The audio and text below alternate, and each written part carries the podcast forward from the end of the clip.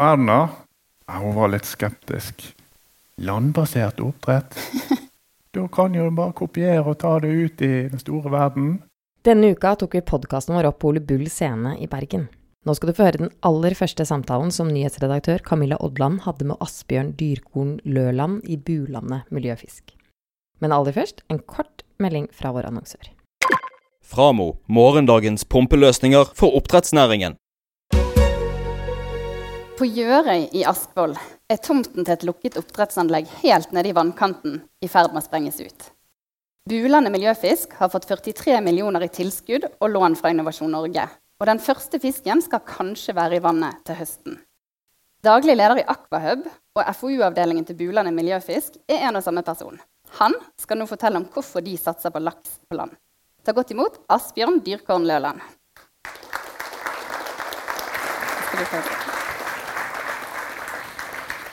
Asbjørn, kan ikke du begynne å fortelle hva er Bulandet Miljøfisk?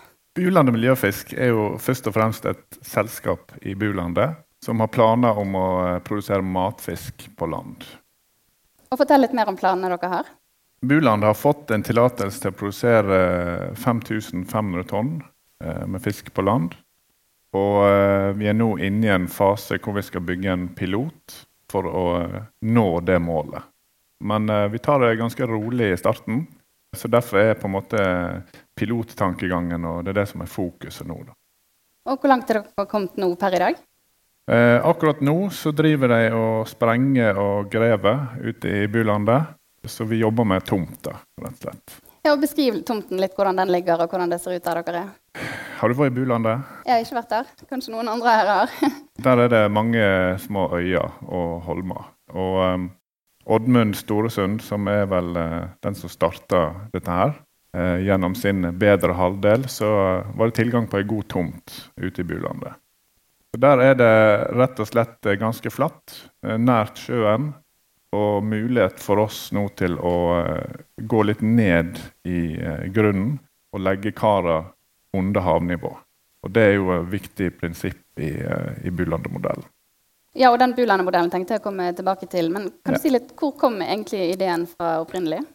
14.3.2015. Dere hører jeg har pugga.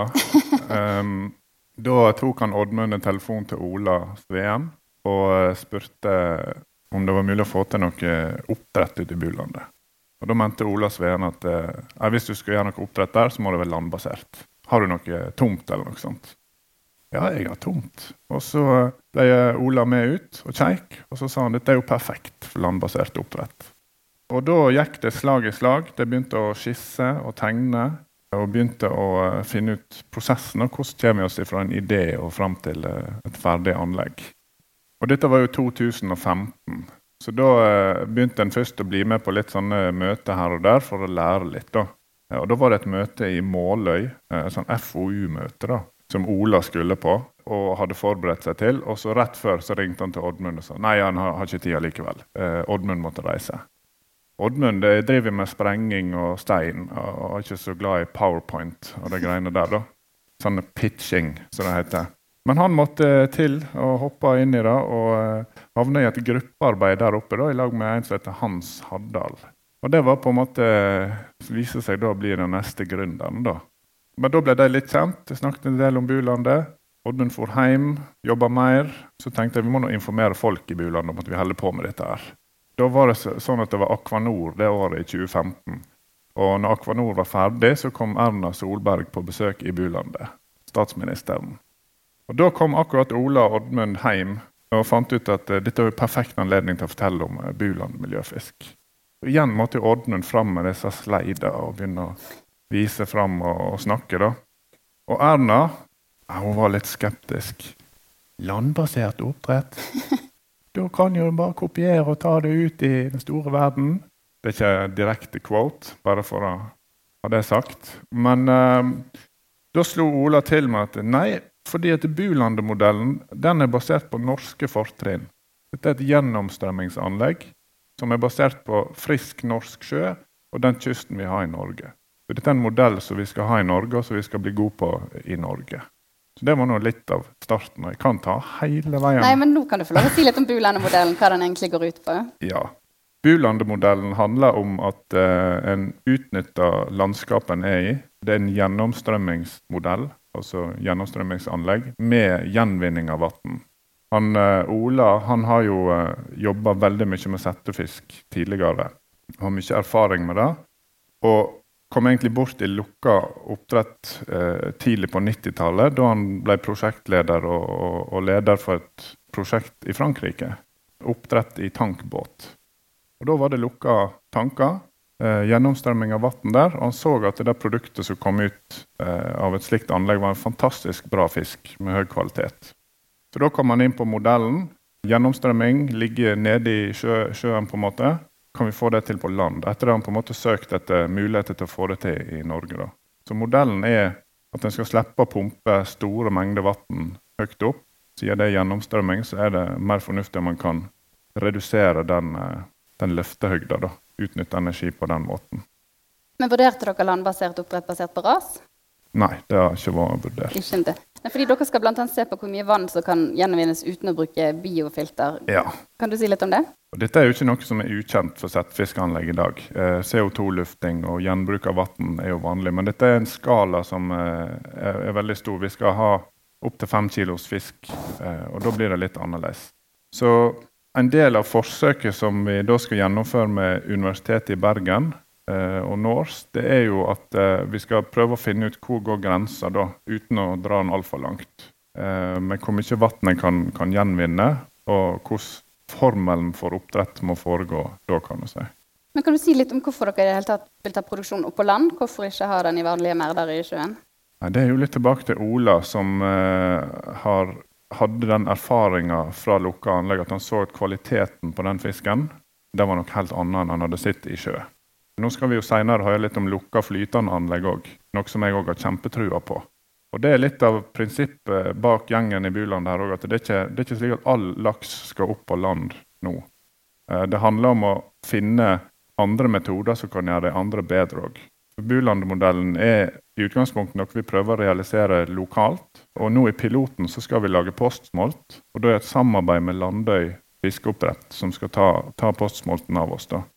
Eh, og da ser vi da at i disse tider som vi har rødt lys, f.eks. i PO4, 6% nedtrekk, så kan det være gull verdt å ha fisken sin litt på land før en begynner å, å ha den ute i åpne merder. Det, det, er et supplement. Det er noe som vi ser på som kan medføre lokal verdiskapning i de småsamfunnene som er langs kysten, og føre til vekst hos oppdretterne i, i området der. Men Tenker dere å ta den opp til matfisk etter hvert? Ja, Eh, piloten, som blir tre år eh, framover nå, der skal vi produsere så mange runder med postmat som vi klarer for å lære. Og så skal vi produsere iallfall én runde med, med matfisk for, for, å lære av det. Ja, for Du sier at det er en pilotfase. Hva er planen når den pilotfasen er over etter de tre årene? Da eh, har vi forhåpentligvis eh, underveis lært så mye at vi kan se at konseptet som vi har designa og bygd nå, kan oppskaleres uten altfor store endringer. Og Da er det jo en ny runde med kapitalinnhenting og eh, full baluba. Og så eh, få rigge opp eh, rett og slett det store anlegget. Og Kan det ligge på samme sted, eller må dere bygge noe annet og nytt? da? Uh, det blir liggende på samme tomt. Så du kan si Tillatelsen som kom i utgangspunktet, var jo for det store anlegget. Og underveis i prosessen så ble det jo klart for gründerne at her må vi vi får ikke noe gehør hos Innovasjon Norge. Eh, vi får ikke banken med oss. Det er ikke noen som står klar med penger å kaste på. Så her må vi tenke litt annerledes. Og Da ble det nedskalering til pilot. Så nå bygger en fire kargrupper av uh, Utgangspunktet er jo, uh, er jo 20 altså, uh, Vi skal ha 32 totalt. Da. Så det, det, er en liten del, men det er én-til-én-størrelse. Og Når skal dere ha fisk i karene? Blir det til høsten? Sånn som... Drømmen er jo i 2020. Ja. Og Hvor langt er dere kommet nå? Har dere valgt leverandører til kar og til alt annet dere eh, trenger? Der er vi eh, midt oppe i arbeidet. Ting er i bestilling, og, eh, og det begynner å utrustes anlegget nå eh, i vår. Så Vi holder på med tomt ennå, men det blir litt sånn parallelle løp. Men Dere har holdt på med dette siden 2015. Har det vært noen nedturer underveis? Noen utfordringer dere har møtt på? Altså, Det har jo tatt lang tid, men så er jo også eh, spørsmålet har det, har det egentlig tatt lang tid. Men for gründeren som 14.3 ringte til Ola og lurte på om de skulle finne på noe i bylandet, så er det klart fem år er lenge å vente. Og Han er jo òg eh, den som har ansvaret for, eh, for bygg og anlegg, så det var jo ekstra kjekt for han når vi fikk tilsagn fra Innovasjon Norge i, i oktober Eh, da tror jeg det er ingen i hele verden som har jobba så effektivt. Og det gikk første salve i midten av november. Så da var det på en måte bare pang, pang, pang. Men selvfølgelig, det som har vært vanskelig i det her, det er jo eh, å hente inn penger. Det er jo det alle jobber med òg. Til og med når man, når man, nedskalerer, for dette er nytt. Det. Ja, for Der har jo dere fått 43 eh, millioner i lån og tilskudd fra Innovasjon Norge. Hvor viktig var de pengene for dere? Nei, Det var jo helt eh, essensielt for å komme seg i mål med det her. Og det var jo òg viktig for å få med bank, og det var viktig for å få med nye eiere. At vi, at vi klarte å lande det. Hvor mye regner dere med å investere totalt? Vi har vel eh, ei stor ramme på eh, 150 millioner i løpet av driftsperioden. Det, det kommer litt an på hvordan vi, hvordan vi jobber i piloten. nå.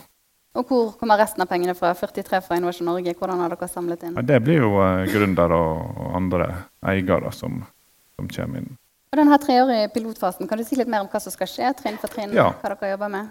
Her kobla vi raskt på en uh, Sigurd Handeland i Universitetet i Bergen. Og vi sparra og hadde en del uh, workshop og seminar med han. Og for å spille litt videre på det som Ola hadde sett, med god kvalitet på fisk, um, så var det um, særlig trening som ble ja, temaet der, da. Vi skal prøve å kjøre litt eh, intervalltrening og teste, teste fisken i anlegget med, med ulike svømmehastighet for å se hvordan det påvirker robusthet. Og Da er vi direkte inn på fiskehelse. Jeg er jo utdanna fiskehelsebiolog. Det er veldig spennende for meg å ta del i prosjektet òg, og, og, se hvordan kontrollerte betingelser kan påvirke fiskehelsa og velferda til, til fisken. Så det er trening, det er én del. Og så er det å dokumentere egentlig at dette systemet som vi bygger nå, fungerer. Særlig med tanke på den gjenvinninga og hvor mye vi kan ta der. Så Det skal gjennomføres en del studier på, på lab, og så overfører vi det i felt eh, og tester det.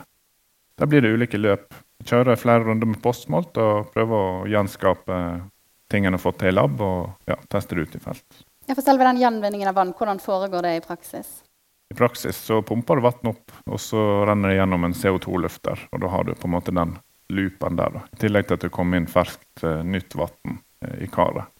Så da er det å, å uh, sjonglere mellom hvor masse vann du skal opp i CO2-lufteren, og hvor mye nytt vann du skal la inn. Da. Men hva med biologi og kjemi og disse tingene som de kanskje sliter med i rasanlegg, og man får med seg ting i vann? Sånn. Hvordan hindrer dere det? Det blir jo Når du da driver med gjenvinning, så vil du jo ha ikke full resirkulering. Det vil hele tida gå ut ganske masse vann. For det er jo det er et gjennomstrømmingsanlegg, så det er veldig store mengder med vann det er snakk om. Men det vil, det vil, gå en loop, og det blir jo nettopp noe som vi må finne ut i piloten. Eh, vi kommer til å måle på alt som går an å måle på, eh, for å finne ut hva, hva er det vi resirkulerer her, og hva er det som går ut. Og får vi lus i anlegget, eller hva skjer?